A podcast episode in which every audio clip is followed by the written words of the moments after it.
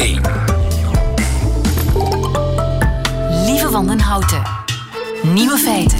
Dag en welkom bij de podcast van Nieuwe Feiten van 22 juni 2020 alweer. In het nieuws vandaag dat orthodoxe Joden nu ook kosheren glijmiddelen kunnen kopen. Want de Raad van Rabbijnen van Californië heeft acht glijmiddelen van het merk Wet officieel kosher verklaard. De rabbijnen zijn daarbij niet over één nacht ijs gegaan. Ze hebben de fabriek van bijna een hectare groot, waar de glijmiddelen worden gemaakt, volledig uitgekampt. En van elk ingrediënt is zorgvuldig gecontroleerd of het niet indruist tegen de reinheidswetten. Die plotse rabbinale belangstelling voor middelen om stroefheid bij seksuele handelingen te verminderen, komt niet uit de lucht vallen. Want de directeur van de fabriek is getrouwd met een Joods-Israëlische vrouw en bekeerde zich onlangs tot het Jodendom. De reinheidswetten zijn in principe niet van toepassing op producten voor uitwendig gebruik. Zelfs lippenstift of lippenbalsem hoeft niet kosher te zijn.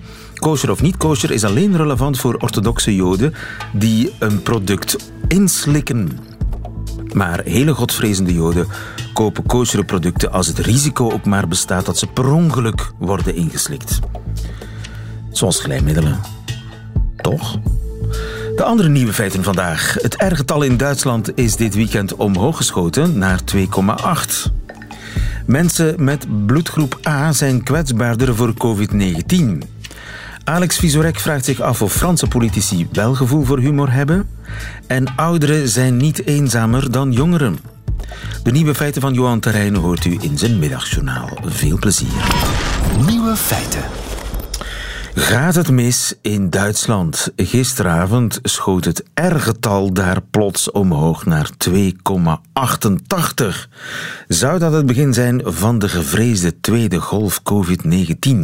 Jurt IJsvogel, goedemiddag. Goedemiddag. Je bent correspondent Duitsland voor het NRC in uh, Berlijn. Het R-getal dat is cruciaal in een epidemie. Alles boven de 1 is gevaarlijk, want R-getal 1 betekent dat één patiënt gemiddeld één andere aansteekt. En het Duitse R-getal dat schoot zaterdag plots de lucht in. Van 1,06 ging het in één ruk naar 1,79. En gisteren zondag steeg het zelfs naar 2,88. Wat is er gebeurd? Ja, dit is heel lokaal zijn er een aantal hele ernstige uitbraken. Met name is er in een grote vleesverwerkingsfabriek in de buurt van Kutterslo in Noord-Rijn-Westfalen een grote uitbraak waarbij blijkt dat 1300 mensen van die fabriek besmet zijn. Uh, en dat heeft enorm toe bijgedragen dat dit getal zo omhoog is geschoten. Maar het is dus heel lokaal. Dus het betekent niet meteen dat in heel Duitsland nu opeens de, de besmettingsgraad heel erg hoog is en het risico heel groot is. Dus het gaat om een paar lokale brandhaarden die dat gemiddelde omhoog halen. In absolute cijfers gaat het niet om heel veel besmettingen voor zover we weten nog niet. En dus is het niet zo dat er opeens in Duitsland nu angst is voor dit is de tweede golf. Nee, dat, dat niet. Maar wel is er grote zorg dat men die uitbraken echt weet te beperken. Lokaal en geografisch weet te beperken. De mensen weet te vinden die besmet zijn en die mogelijk besmet zijn. Om die te testen en om die in quarantaine te houden Um, zolang het nodig is. Ja, dus er zijn nu een aantal mensen in quarantaine gegaan. Mensen die in een welbepaalde vleesfabriek werken in Noord-Rijn-Westfalen. En er waren ook bewoners van een volledig flatgebouw, geloof ik, bij, hè?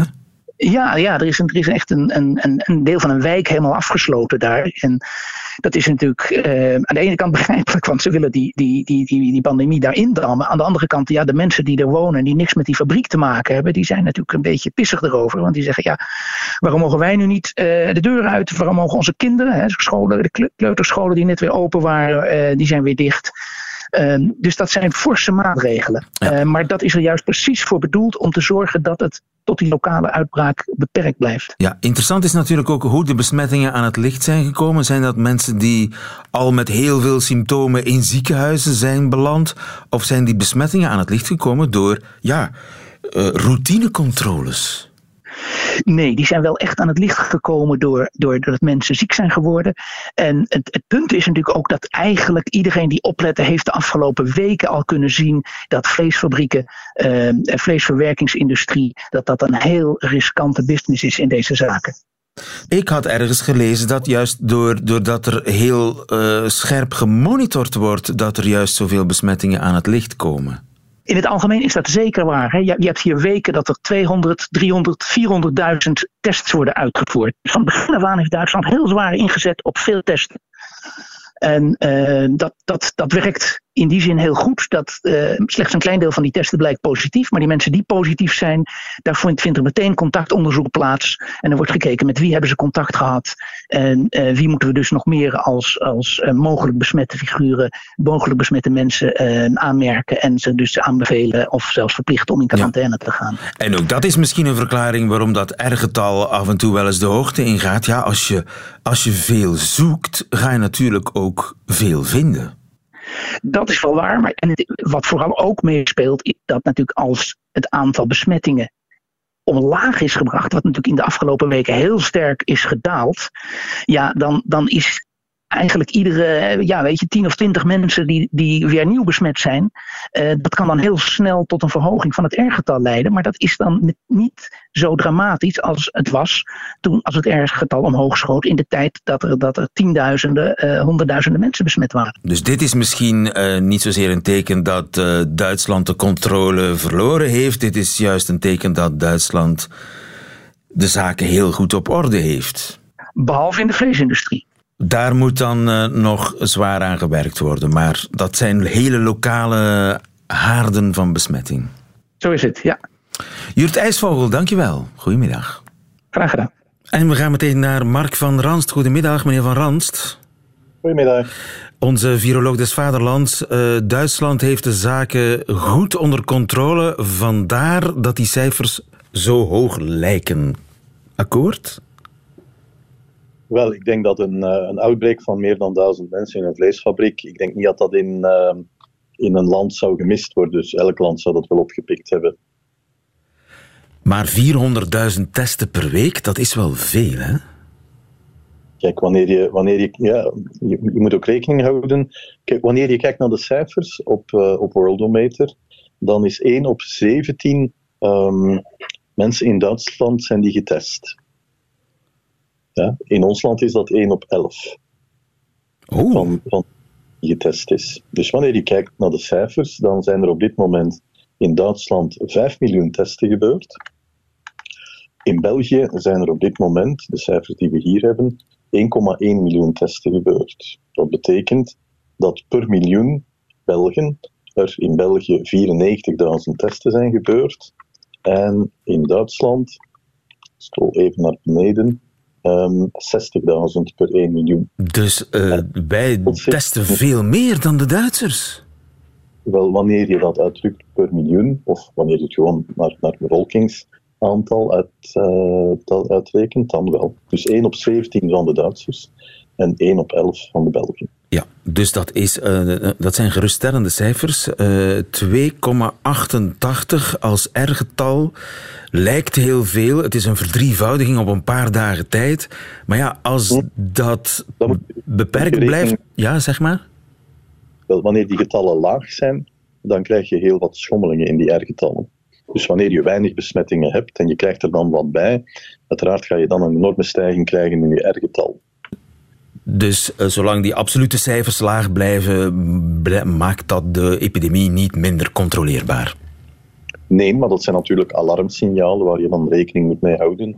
En die outbreaks die moeten dan uiteraard opgevolgd worden. Ja, het is dus niet zo dat er in Duitsland van alles mis aan het gaan is, dat bij ons misschien ook aan het misgaan is of binnenkort zal misgaan. Nee, dat denk ik niet. Iets anders. Nu, over die bloedgroep A, daar is al heel wat uh, inkt over gevloeid, er is al heel wat over verteld, maar nu blijkt dat een nieuwe studie toch bevestigt wat we al vermoeden.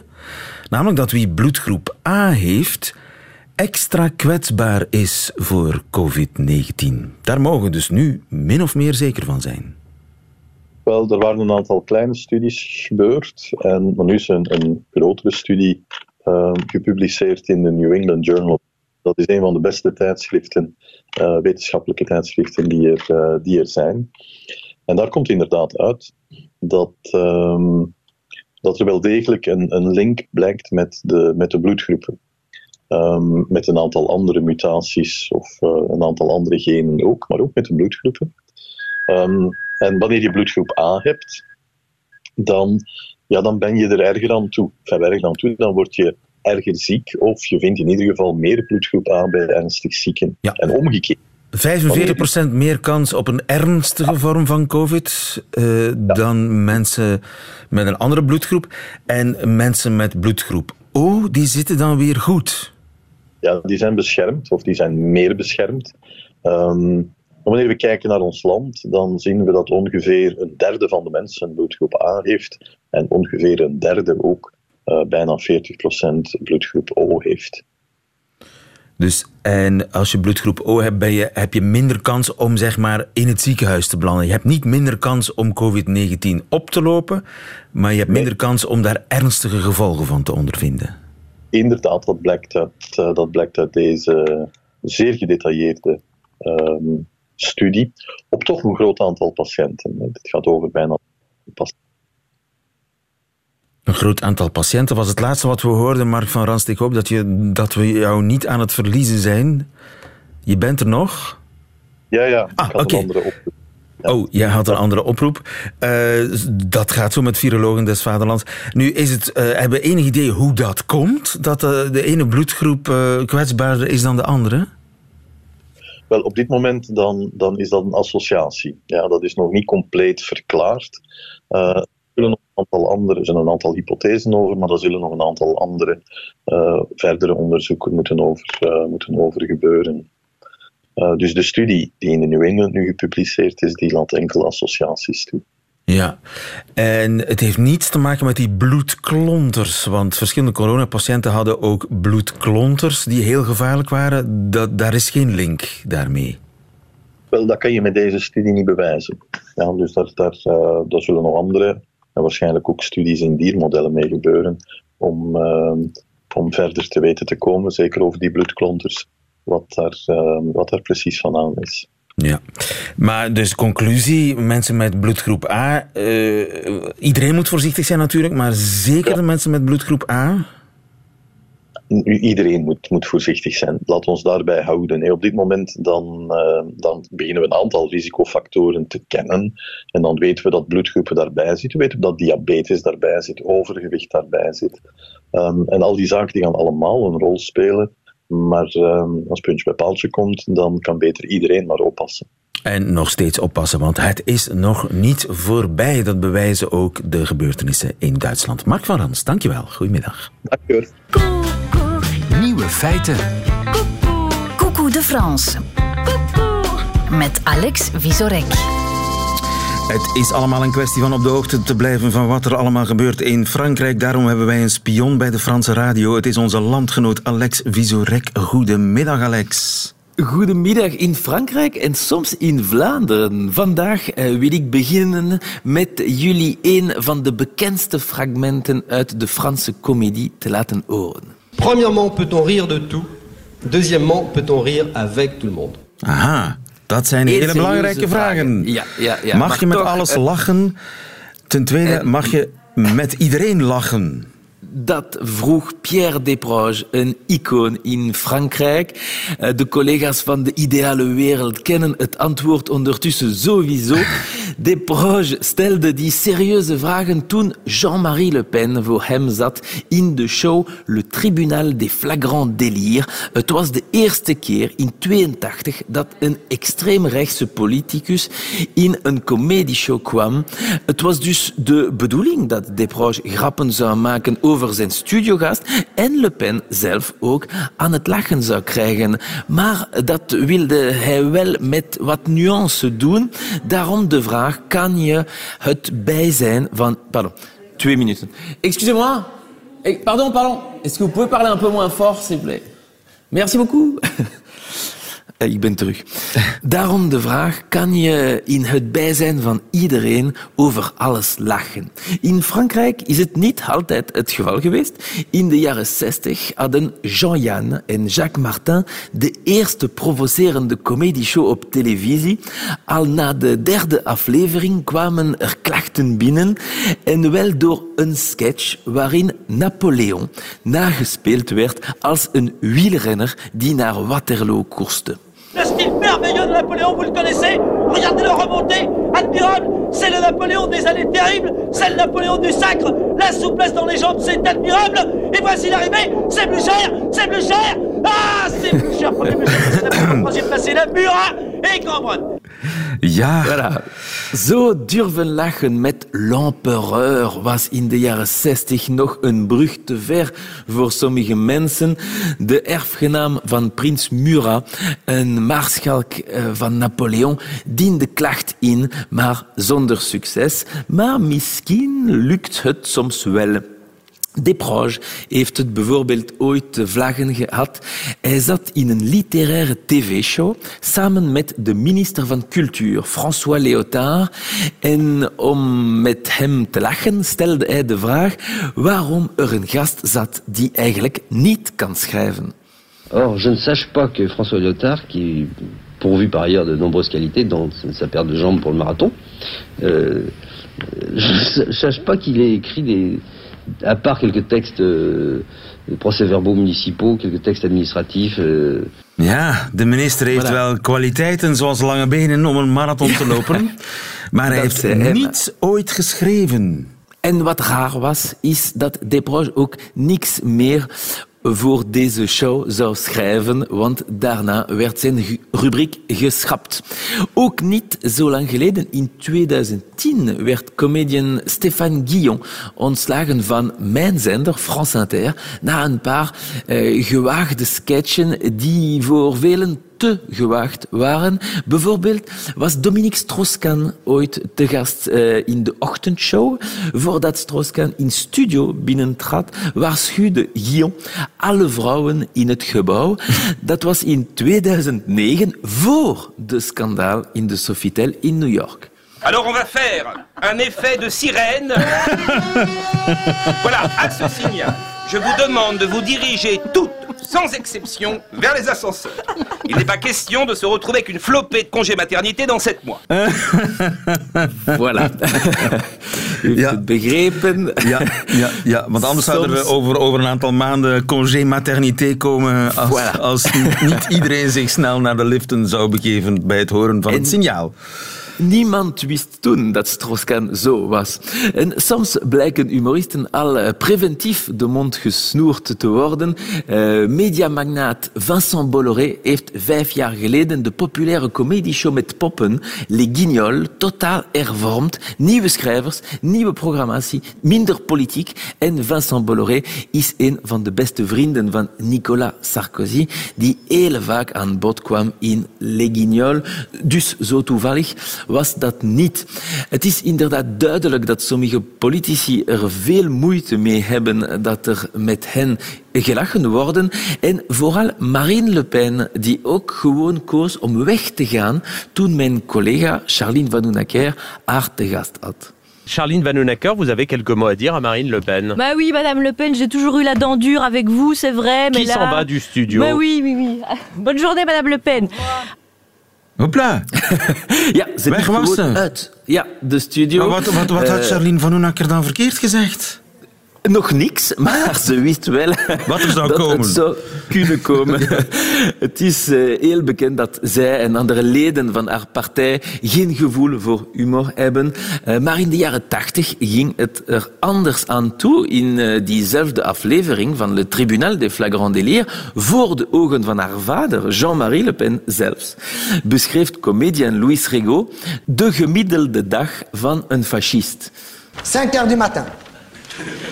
Je saute de mon lit en fer où je dors sur des clous.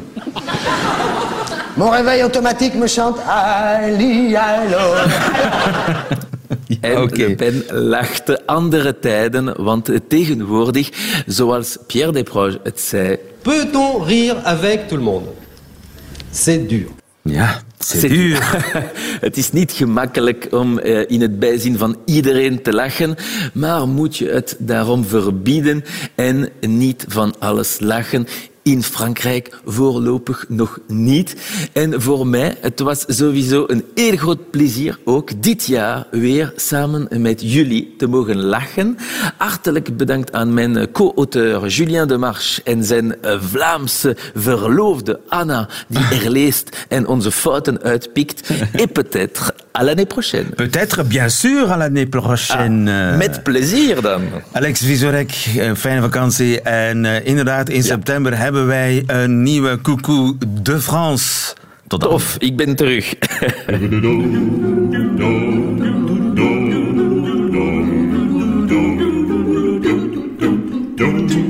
Nieuwe feiten.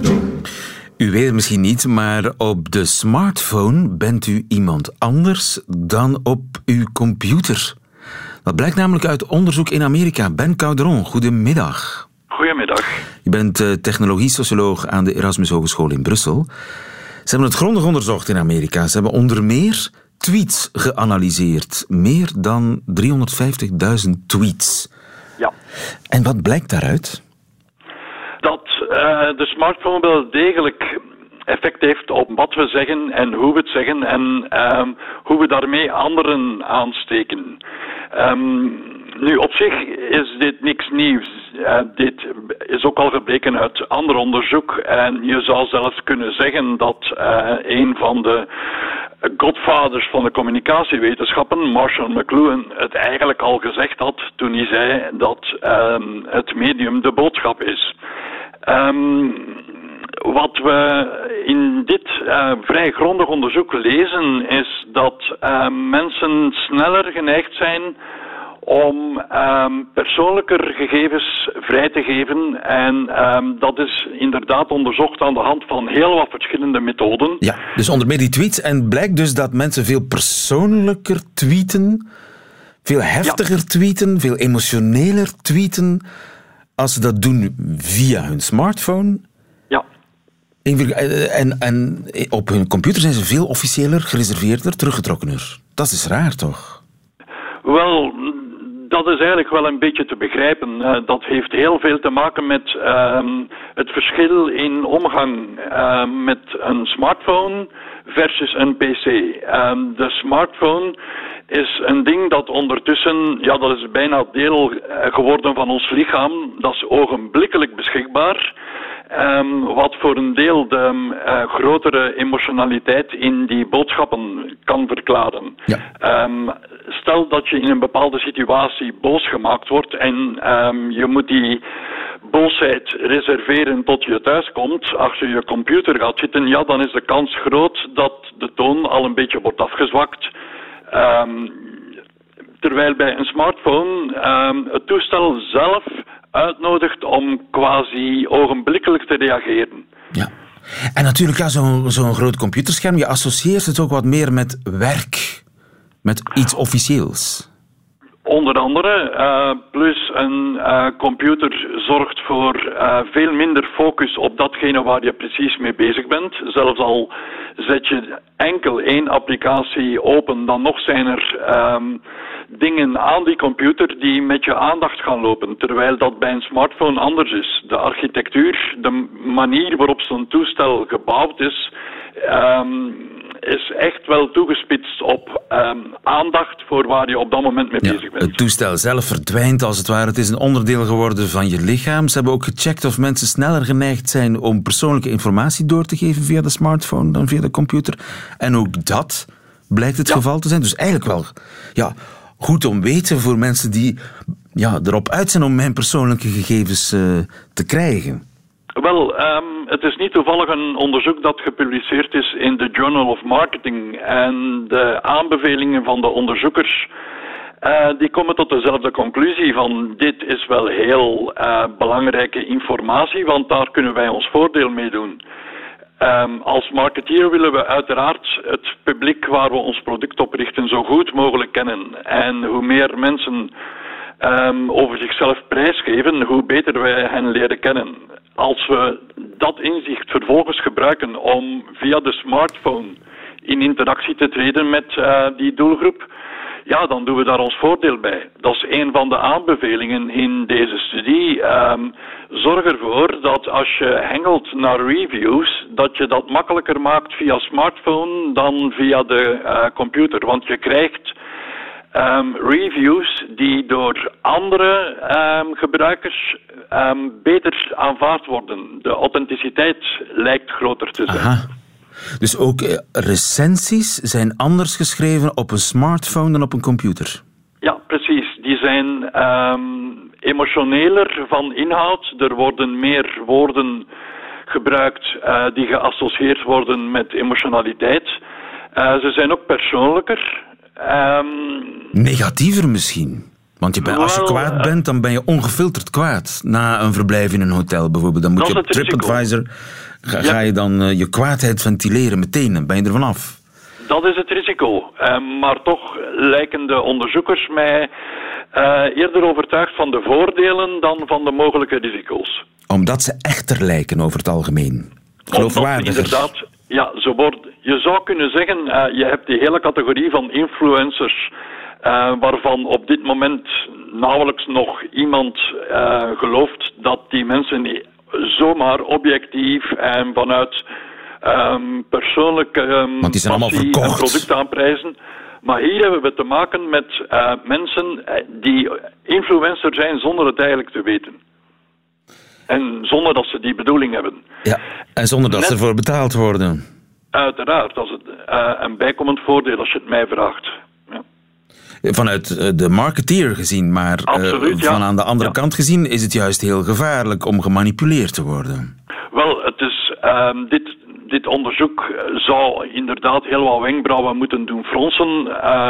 Enerzijds, anderzijds is um, wat hierin staat een grondig onderzochte bevestiging van wat we al een tijdje weten en um, waar bijvoorbeeld uh, Zuboff uh, in een vrij lijvig boek voor waarschuwt. Um, we kunnen die technologie, die draagbare technologie die we de hele tijd bij ons hebben, als we die een beetje intelligent gebruiken en geloof me vrij, de partijen die uh, de, de, de, mobiele markt domineren, die doen dat zeer, zeer goed. Um, dan kunnen wij eigenlijk een systeem uitbouwen waarbij we mensen um, in real time um, aanzetten tot gedragsverandering.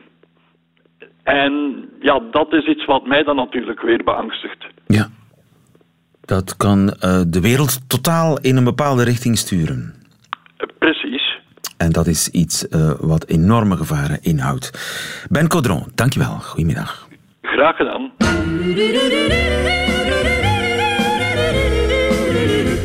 Feiten. Radio 1. Jongeren zijn eenzamer dan ouderen, blijkt uit een wereldwijde enquête bij meer dan 40.000 mensen. Marlies Maas, goedemiddag. Goedemiddag. Je bent eh, psycholoog aan de Universiteit van Leuven.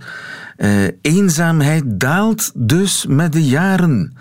Ik had eerlijk gezegd het tegendeel verwacht. Ja, dat wordt eigenlijk uh, wel vaker verwacht inderdaad. Maar er zijn intussen al meerdere studies ja, die het tegendeel bewe uh, hebben bewezen. Dus jongeren voelen zich zeker niet minder eenzaam dan ouderen. Tenminste evenveel. Maar jongeren maken toch vanzelf vrienden op school bij de jeugdbeweging? Uh, dat geldt helaas niet voor alle jongeren. En um, je hebt nood aan verschillende soorten relaties. Dus je kan vrienden hebben, maar als je die voor jouw gevoel eerder oppervlakkig zijn, dan zul je je ook nog steeds eenzaam voelen. Dus aan de oppervlakte lijkt het alsof die jongeren ja, feestend door het leven gaan met een lied op de lippen. Maar van binnen zijn ze eigenlijk eenzaam. Eigenlijk ja, maken ze niet echt contact. Nou ja, dat geldt natuurlijk niet voor alle jongeren. Maar er zijn inderdaad zeker jongeren die, uh, die iets missen in hun relaties. Dat kan allerlei redenen hebben. Maar ja, die, die diepgaander contact missen. En of die zich toch niet thuis voelen bij die groep vrienden met wie ze optrekken. Hebben enig idee hoe dat komt? Dat kan heel veel verschillende redenen hebben, denk ik. Dat is heel persoonsafhankelijk. Um, de een is heel erg op zoek naar de identiteit, heeft andere interesses misschien dan de mensen om zich heen. Eh, het kan ook zijn dat je in een moeilijkere thuissituatie zit. Misschien ehm, ben je vroeger gepest of uitgesloten geweest. Misschien heb je een, een chronische aandoening waardoor het gewoon praktisch heel moeilijk is om met mensen af te spreken. Er zijn heel veel gezichten, er is niet één reden te noemen. Ja, en tegenwoordig is imago natuurlijk heel belangrijk. Hè? Uh, hoe je eruit ziet en hoe je profiel op Instagram eruit ziet. Er is heel veel dwang. Ik denk dat het uh, voor jongeren altijd belangrijk is geweest hoe je in de groep ligt, hoe mensen jou zien.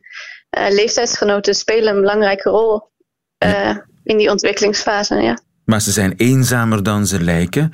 En wat maakt ouderen dan eenzaam? Want je zegt ze zijn bijna even eenzaam als ouderen. Dus ouderen zijn nog een beetje minder eenzaam. Mm, dit onderzoek wees dat inderdaad uit. Er zijn andere onderzoeken die, um, die wijzen een meer gelijk niveau uit. Het gaat natuurlijk ook om gemiddeldes. Uh, maar ik denk dat het probleem niet minder speelt bij jongeren. Maar je wordt en dat dus, is wel belangrijk. Je wordt dus minder eenzaam met de jaren, maar op, op een gegeven moment gaat dat weer achteruit. Of stijgt je eenzaamheid weer. Dus er is, dat is een soort curve. Ja, er is inderdaad een onderzoek die een soort U-vorm laat zien. Dus een stijging bij jongeren en dan weer terug een stijging, ja, zo rond 80 plus. Ja, en, maar dan om heel andere redenen neem ik aan. Ja en nee. Dus als je naar de basis kijkt, het gaat altijd om een gemis in iets. Je mist iets in je relaties. Dat is voor alle leeftijden zo. Maar specifieke redenen kunnen wel inderdaad verschillen. Ik denk dat ouderen veel meer te maken krijgen met verlies. Verlies van dierbaren, van partners, van vrienden die wegvallen. Meer fysieke uitdagingen, niet meer ergens heen kunnen gaan. Veel afhankelijker worden. Dat speelt natuurlijk iets minder nog bij jongeren. Ja, dat ligt uh, voor de hand. En is er een verschil tussen mannen en vrouwen? Daar is veel discussie rond, uh, maar gemiddeld gezien uh, niet. Er zijn, uh, zijn ze even eenzaam. Oké. Okay. En is er een verschil tussen pakweg Zuid-Amerika, waar veel meer in gemeenschappen geleefd wordt, en, en dan ja, Noord-Europa, wat toch een veel individualistischere samenleving is? Ja, ook daar is eigenlijk veel discussie over. Um, maar met heel tegenstrijdige resultaten. Dus ook daar lijken eigenlijk geen grote verschillen te zijn. Het gaat echt om um, ja, het, een, een, um, het verschil tussen je verwachtingen en je daadwerkelijke relaties en of je daar tevreden over bent. Dus als de verwachtingen heel hoog liggen, dat je heel verbonden moet zijn met iedereen om je heen, dat uh, je veel relaties moet hebben, dat de groep heel belangrijk is, maar jij past niet zo goed in die groep of jij hebt dat net iets minder dan zul je je nog steeds eenzaam voelen. Ja, en dat is iets universeels. Precies, ja, dat klopt. Helder, Marlies Maas, dankjewel. Goedemiddag. Graag gedaan, goedemiddag. Dat waren de nieuwe feiten van maandag 22 juni 2020. Alleen nog die van Johan Terrein krijgt u in zijn middagjournaal. Nieuwe feiten. Middagjournaal. Beste luisteraar. Het moet nu zo'n flinke week geleden zijn. Om een of andere reden is tijd iets ongrijpbaars geworden. Ik stond aan een open raam. Drie meter verder in de kamer zat mijn moeder. De kamer behoort tot het woonzorgcentrum waar ze verblijft. Ik had haar al veertien weken niet meer lijfelijk gezien. Ik corrigeer mij acht weken geleden op de uitvaart van mijn vader was de laatste keer. Het duurde exact veertig minuten. Als jongste van drie heb ik mijn beurt voor het mondjesmaat toegestane bezoek netjes afgewacht. Om de twee weken mag er iemand een half uurtje aan dat raam komen staan. Dat wekenlange wachten deed pijn, fysiek. Niet de hele tijd door, maar wel telkens ik besefte dat ik mijn moeder niet kon en mocht helpen rouwen om de dood van haar man, mijn vader. Graag had ik haar acht weken lang als een omgekeerde pieta in mijn armen gehouden, zonder doornenkroon dan liefst. Tijd genoeg om het tafereel uit marmer te houden. Ik wil u graag vragen, beste luisteraar, indien u dat wil, er is geen enkele verplichting, om u even in uw empathische verbeelding te verplaatsen naar dat raam en te kijken. Kijk maar naar uw eigen moeder, want u weet wellicht niet hoe de mijne eruit ziet. Ze zit niet op Instagram. Dus dat open raam en dan uw moeder op drie meter. Kijken mag, aankomen niet. Tijd is voor haar al langer iets ongrijpbaar geworden, dus ze lacht naar u. En van binnen voelt u dan iets wat men zou kunnen omschrijven als een wurggreep rond de hartstreek. U, de vrucht van haar schoot, die niet mag troosten. U overweegt iets te roepen als is het, maar beseft de vernietigende banaliteit van die vraag. U probeert vervolgens naar haar te glimlachen. Het komt eruit via uw ogen, want het mondmasker zit in de weg. Ik weet niet wat er nu door u heen gaat, misschien wil u wel een open raam intrappen, maar bij mij kwam deze gedachte aanvliegen. De natuur is vreed. Het schonk ons een virus, het schonk ons de angst voor elkaar en het bracht ons de vraag als we echt konden kiezen. Zouden we dan niet moedig het risico nemen om ons het meest elementaire toe te eigenen, namelijk deel te zijn van de natuur die ons voortbracht? Intussen mag u in gedachten weer terug naar de plek waar u nu zit te luisteren, of ligt of staat te luisteren voor mijn part. U mag weer weg van dat raam. Weet dat velen met mij echt op die plek hebben gestaan. Sinds een week mogen we weer bezoeken op de kamer. Op anderhalve meter afstand van een troostende knuffel.